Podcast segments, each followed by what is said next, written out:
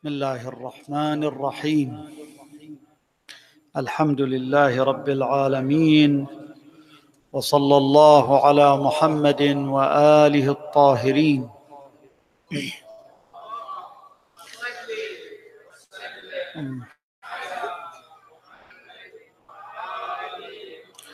السلام عليكم أيها الحفل الكريم وأبارك لكم ذكرى ميلاد منجي البشرية. الإمام المهدي سلام الله عليه وعجل الله فرجه.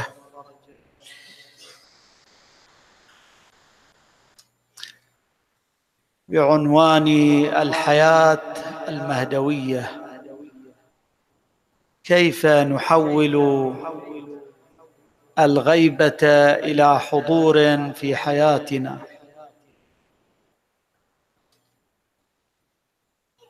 غيبة الإمام المهدي سلام الله عليه. ليس معناها أن الإمام سلام الله عليه صار غير مرئي صار اثيريا. أو أنه رفع إلى السماء أو نقل إلى كوكب آخر. ليس هذا هو معنى الغيبة. الإمام بيننا يعيش بيننا ويؤدي دوره وهو دور خطير جدا فهو يحفظ الأرض ويصلح أمر رعيته. ورعيته أهل الأرض كلهم كلهم رعيته. ويؤدي وظائفه وما يرتبط به يؤديه بما لا يتنافى مع مقتضيات غيبته. صلوات الله وسلامه عليه. وهذا هو معنى الغيبة.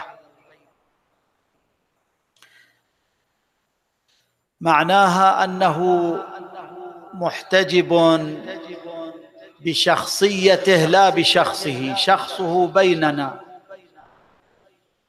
ويؤدي وظائفه وتكاليفه. إذا حضر وقت الصلاة يصلي. إذا صار شهر رمضان يصوم وإذا رأى منكرا يصلحه بما يتناسب مع وضع غيبته وهكذا. فهو موجود بيننا وكما تعبر الروايات يطأ بسطنا ويحضر الموسم يحضر موسم الحج. في الرواية صاحب هذا الأمر يتردد بينهم ويمشي في أسواقهم في أسواقنا وشوارعنا وسككنا ويطأ فرشهم ولا يعرفونه. إذا ليس معنى غيبته أنه ليس في الوجود. شخصيته مجهولة. نعم هذا معنى غيبته. وهنا نتساءل كيف نتعامل مع الغيبة مع غيبة الإمام. وهل يمكن أن نحول هذه الغيبة إلى حضور في حياتنا؟ سوف يدور كلامي حول الإجابة عن هذا السؤال. يمكن لأحد للبعض أن يحول الغيبة غيبة الإمام أن يحولها إلى فقدان تام ويتعامل معها بهذه الكيفية أن يحول غيبة الإمام إلى فقدان تام. ويمكن للمؤمن أن يحول غيبة الإمام سلام الله عليه ببعض الممارسات إلى حضور كامن. كامن. أن يحول غيبة الإمام إلى حضور كامل. ذاك نوع وهذا نوع. ذاك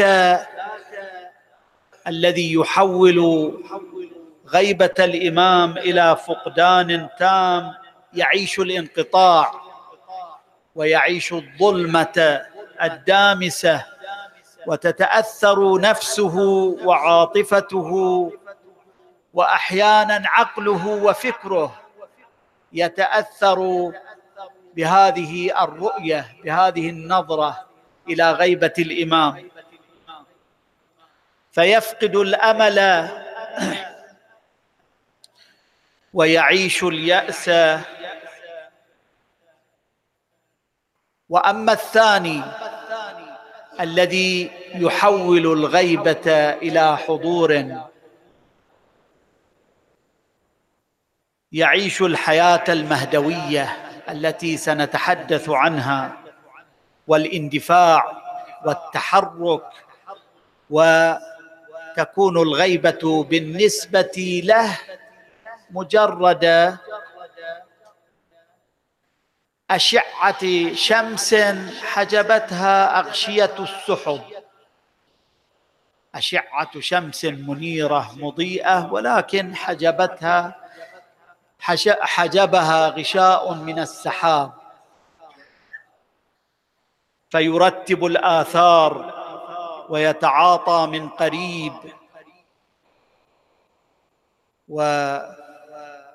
ويكون فاعلا في المجتمع. أما ذاك فيفقد الأمل يسوف الإنجاز ويهمل الحركة ولعله يقع فريسة الصيادين المضلين المضللين.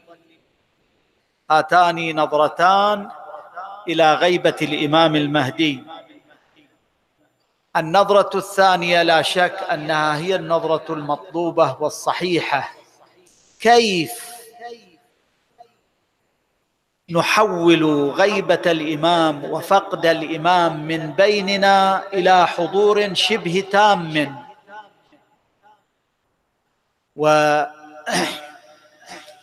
ونوسع من مساحة حضوره في حياتنا وتعايشنا معه. كيف؟ هناك عدة عوامل أذكر بعضها. اولا ينبغي أن نعتقد وأن نعيش حضور الإمام في وجداننا وضمائرنا.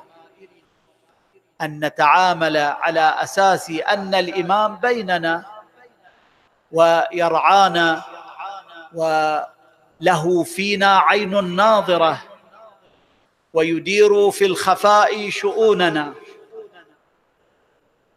ننام على هذا ونصحو على هذا. هذا الاعتقاد.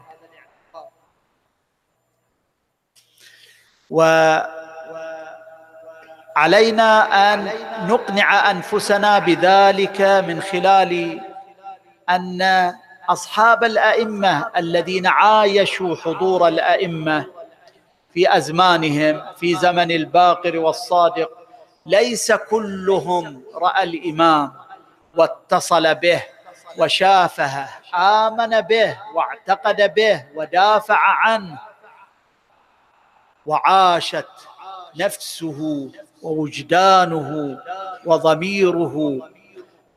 الحب والاعتقاد والولاء لهذا الإمام للإمام الصادق مثلا أو للإمام الباقر. كانوا في شقة بعيدة ومع ذلك اعتقدوا بالإمام. لم يجلسوا معه لم يشافهوه. نحن أيضا هكذا نحن أيضا هكذا. بل حتى مراجعنا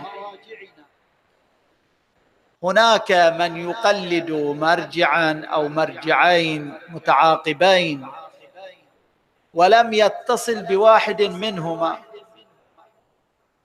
ولم يراه ولم يره. فاذا الإيمان والاعتقاد والمعايشة لا تستلزم الحضور والمعايشة القريبة. هذا اولا. علينا أن نعتقد هكذا وأن نعيش مع الإمام في ضميرنا ووجداننا ووجداننا على أنه حاضر بيننا يرعانا ويعرف أحوالنا. هذا أول. ثانيا أن نوثق هذا الارتباط. هذا الارتباط القلبي والمشاعري أن نوثقه. عبر ماذا؟ عبر الدعاء للامام العشق القلبي للامام والدعاء له وزيارته. وأمثال هذه الأمور الأعمال الصالحة أن نهديها له أن نعتمر عنه أن نقرأ القرآن ونهدي الثواب له أن نقرأه نيابة عنه. وأمثال هذه الأمور هذه توثق ارتباطنا به عبر دعاء العهد اليومي. هذا دعاء المعاهدة والبيعه للإمام المهدي سلام الله عليه في كل يوم. أن ندمن قراءة هذا الدعاء. أن نطلب من الله دائما أن يحرسه أن يحصنه من بأس المعتدين. أن ندعو له بالفرج دائما. أن ندعو له بالفرج والحفظ والتأييد والتسديد والنصرة من الله عز وجل. في في الآية الكريمة عن الارتباط بأهل البيت عليهم السلام قل لا أسألكم عليه أجرا إلا المودة في القربى. هذا من مصاديق المودة في القربى. وفي الحديث في مكاتبة للإمام المهدي سلام الله عليه في مكاتبة وتوقيع شريف يقول سلام الله عليه وأكثر يوصينا وأكثر الدعاء بتعجيل الفرج. فإن فإن ذلك فرجكم. فإن ذلك فرجكم. الدعاء بتعجيل الفرج. هذا ثانيا أن نوثق الارتباط. من خلال الأعمال الصالحة والزيارة والدعاء وما شاكل ذلك. ثالثا الإطاعة لنائبه. الإمام قبل أن يغيب عين نوابا تعيينا عاما. الإمام المهدي سلام الله عليه بالتعيين العام. هؤلاء النواب علينا أن نطيعهم. النائب النائب حضور النائب نوع حضور للمنوب عنه. أليس كذلك؟ حضور النائب نوع حضور للمنوب عنه. فينبغي علينا ونحن بحمد الله تعالى منذ الغيبة الصغرى والغيبة الكبرى على هذا المنوال. نطيع نواب الإمام سلام الله عليه ونلتف حولهم ولا نبتعد عنهم ولا نشد عنهم.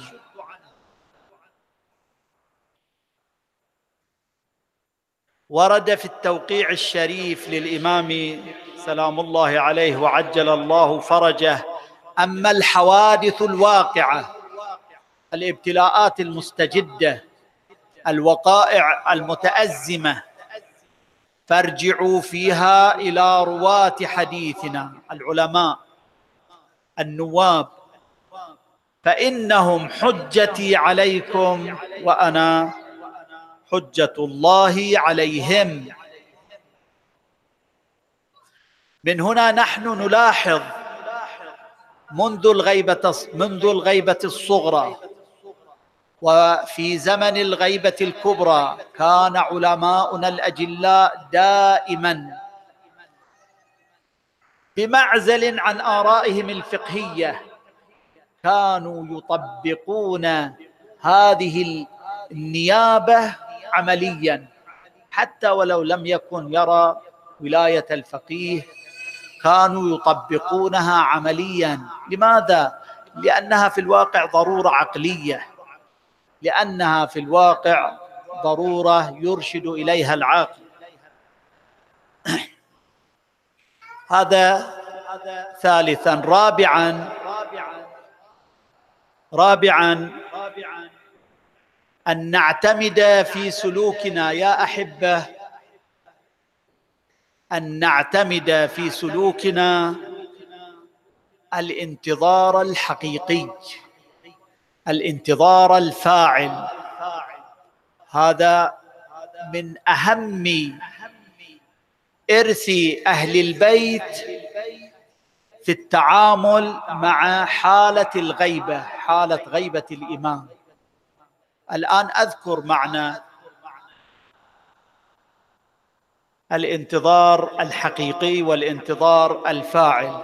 لاحظوا كل هذه تملأ تملأ مساحة الغيبة بحيث نشعر أن الإمام بجانبنا ومعنا وأن أمورنا مكتملة إلى الحد الذي يعطي هذه الأمة القدرة على أن تشق طريقها إلى أن يظهر إلى أن يظهر المصلح والمنقذ لكل البشر. فأن نعتمد في سلوكنا الانتظار الحقيقي الانتظار الفاعل الانتظار الإيجابي الذي يمهد للظهور. أن يتحول كل فرد منا إلى مهدي صغير مشع في ذاته مصلح لذاته في أسرته موجه لأسرته في مجتمعه عنصر فاعل مؤثر تاثيرا ايجابيا في صلاح المجتمع. هكذا يكون الإنسان منتظرا حقيقيا. ليس الانتظار السلبية والابتعاد وإلقاء الأمور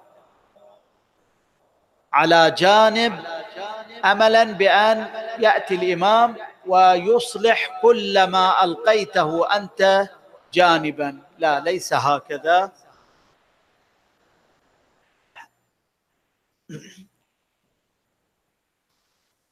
فالانتظار الحقيقي هو أن يسعى المنتظر الحقيقي لتحقيق كل أهداف المنتظر.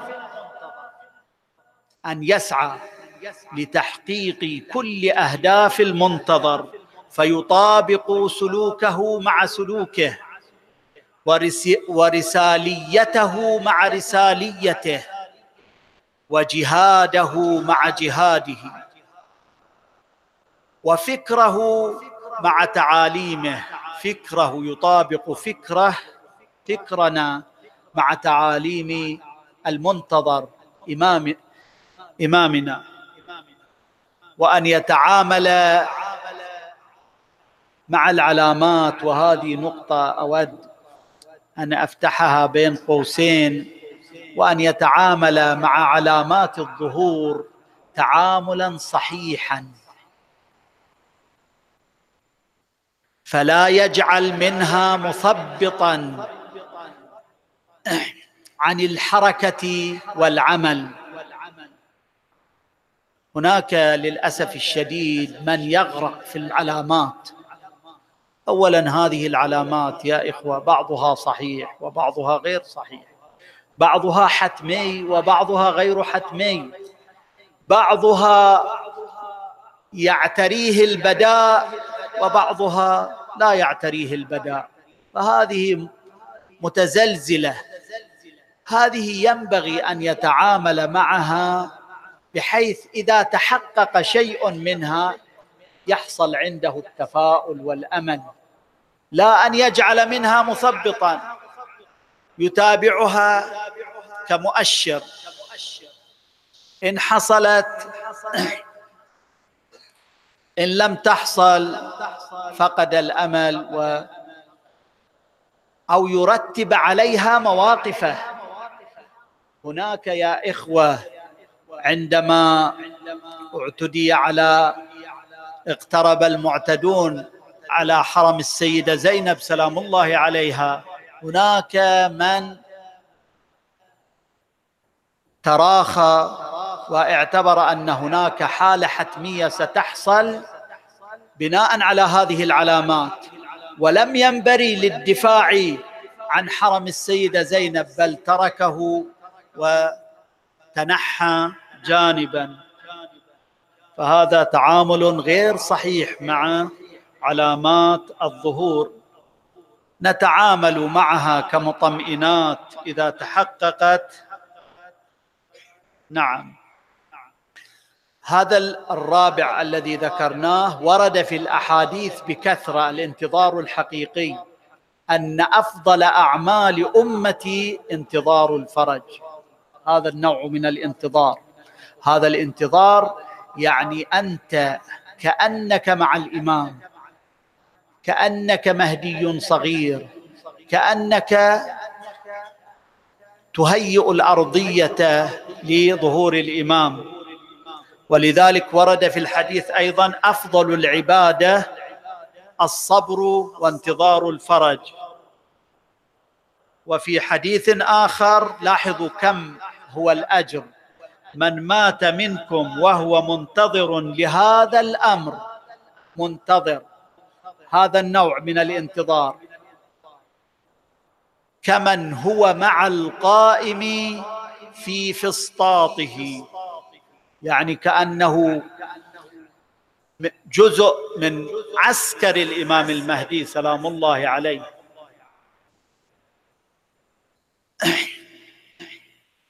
ختاميات في خامسا الوعي في التعامل مع المدعين.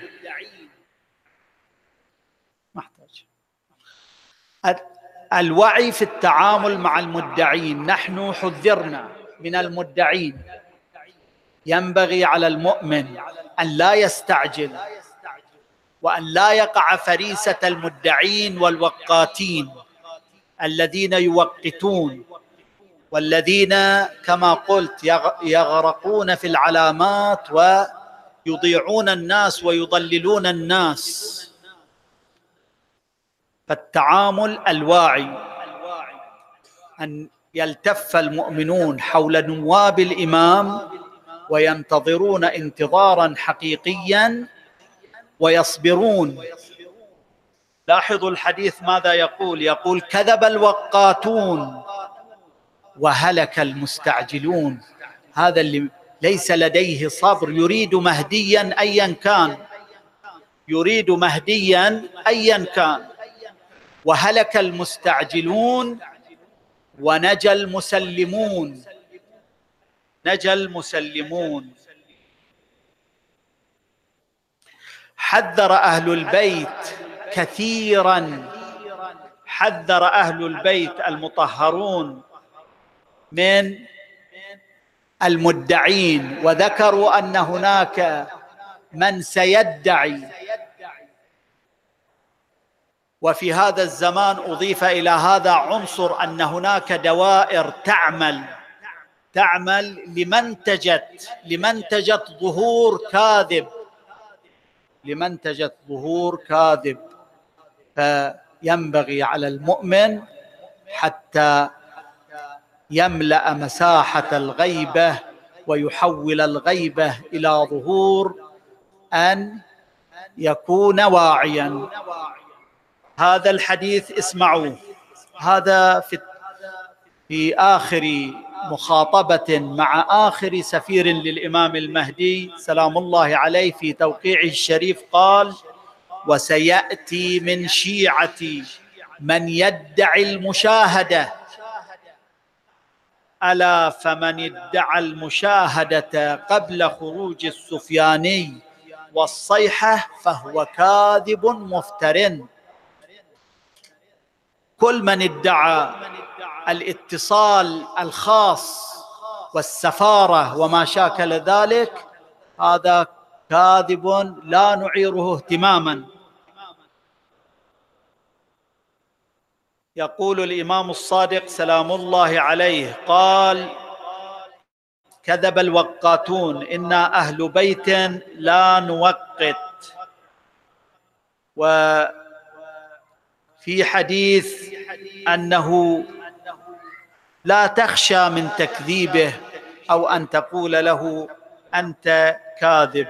من وقت لك من الناس شيئا فلا تهابن أن تكذبه.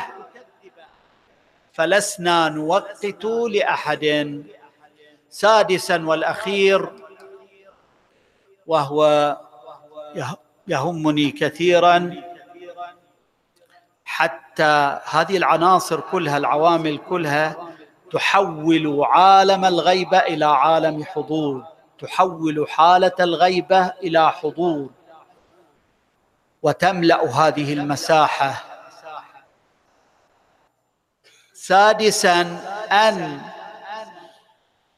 يطبق كل فرد منا. قيم الإسلام السامية.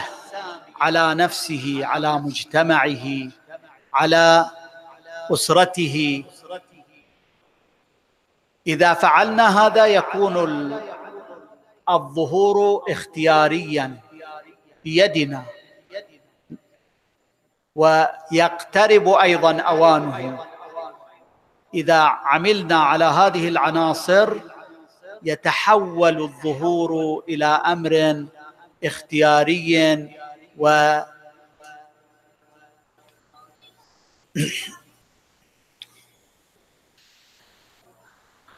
في الحديث من سره عن الإمام الصادق عليه السلام من سره أن يكون من أصحاب القائم عجل الله تعالى فرجه الشريف فلينتظر فلينتظر. وليعمل بالورع. ومحاسن الأخلاق. ومحاسن الأخلاق. وهو منتظر. فإن مات وقام القائم بعده كان له من الأجر كان له من الأجر مثل من أدركه.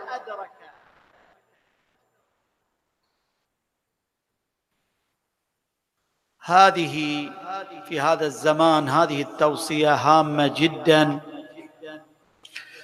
أن يتوعى شبابنا أن يتسلحوا بالوعي والفكر والثقافة وأن يحذروا من الأجواء الفاسدة الترفيهات الفاسدة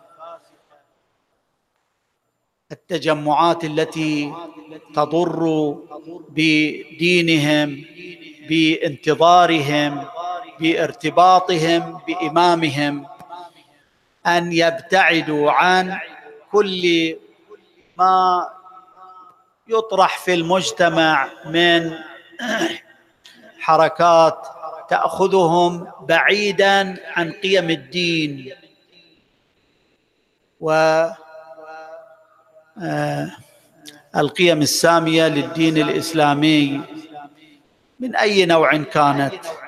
فساد أخلاقي فساد فكري فساد ثقافي. أنشطة موبوءة فيها محرمات. شبابنا ينبغي عليهم أن يبتعدوا عنها وأن يحذروا منها. بهذا يتكون لديهم ارتباط وثيق مع الإمام ويعيشوا الحياة المهدوية. نسأل الله سبحانه وتعالى أن يوفقنا لذلك. والحمد لله رب العالمين وصلى الله على محمد وآله الطاهرين.